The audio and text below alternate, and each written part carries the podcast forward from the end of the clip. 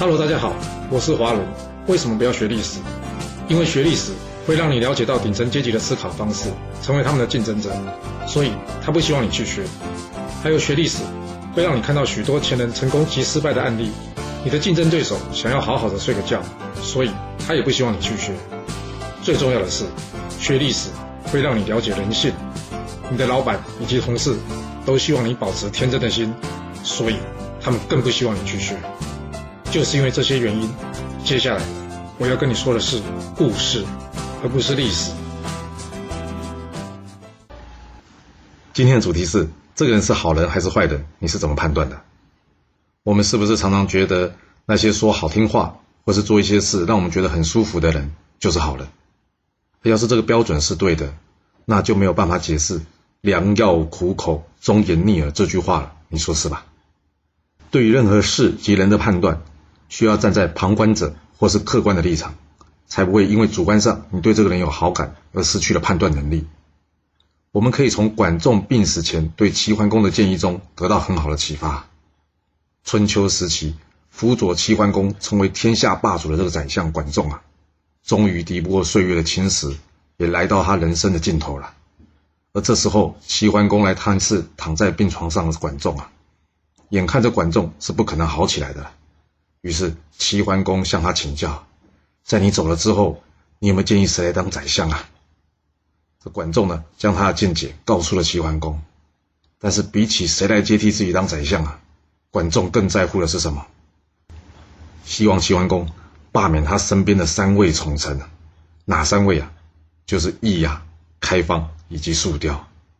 那齐桓公听完之后大吃一惊啊，他对管仲说：“你这么说什么意思啊？”这三个人可都是忠臣哎！你看这易呀，只因为我想要吃人肉，他就杀了自己的小孩给我吃。他对我的忠心可以说是胜过任何人啊。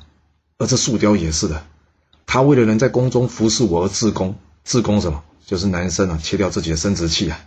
这样的忠心，有谁能做得到？他也是个忠臣，怎么不能用呢？至于这开邦吧，他连魏国国君都不当了，愿意当我的臣子，你也知道的。他父母死的时候，他都没去奔丧。他对我这么好，甚至好过他的父母，为什么你觉得他也不能用呢？管仲跟齐桓公说：“主公啊，你仔细想一想，有谁不爱自己的小孩啊？人家说虎毒不食子啊，易牙连自己的儿子都敢杀，还有谁他下不了手的？那你想想看，这个人，他杀了自己的儿子留在你身边，难道他没有其他企图？真的只是单纯为了讨好你？”还有这树雕也是一个样啊！你想想看，有谁会不爱惜自己的身体啊？他连自己的身体都敢忍痛给切除，还有什么是不敢做的？至于这开方就更别说了，他不是连魏国国君都不想做，而是他想要一个比魏国更大的位置，就是你齐国啊！连父母死了都不奔丧，就说明这个人怎么样？刻薄寡恩呐！留这样的人在身边。必成大患呐！这三个人，你一定要远离他，不然齐国终将大乱了。那齐桓公有没有听他意见啊？呃，一开始有听啊，不过最后还是没按照管仲的建议赶走这三个人。而这三个人最后怎么样？也的确如管仲所言，造成了齐国的大乱，甚至怎么样，害死了齐桓公，并且让齐桓公在死掉两个多月之后都无法下葬。这一代霸主啊！竟然沦落到这种下场哎！其实每个人的身边哦，难免会出现一些看起来对你很好的人，但是好人跟坏人要如何区别呢？区别好人跟坏人，不是他现在对你说了什么话以及做了什么事，而是他这些话以及这些事后面到底有什么意图。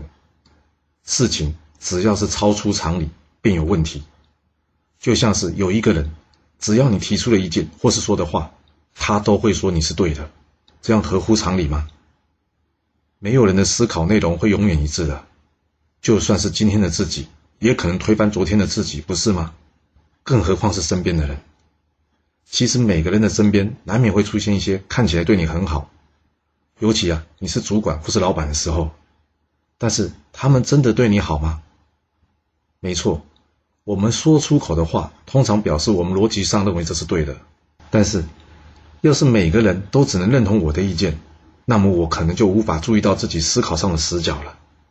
仔细聆听别人的批评或是反对意见，再经过客观的评估，就可以降低自己认错人或是做错事的几率，扣掉一些酸言酸语，还有极端偏激的言论。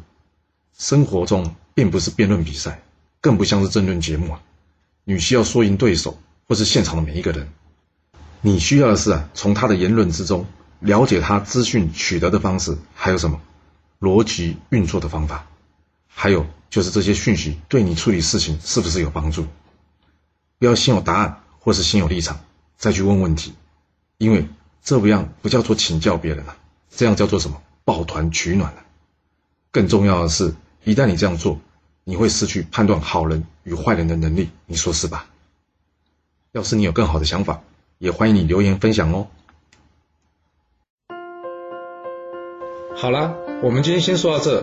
如果你就是不听我的劝，想知道完整版的故事内容，你可以从说明栏找到我爱故事频道的连结。不过记住哦，你是来听故事的，而不是来学历史的。要是您喜欢这个频道，麻烦您动动您的手指。追踪留言，或是给我五星评价的支持以及分享，谢谢您来收听，我们下次再见。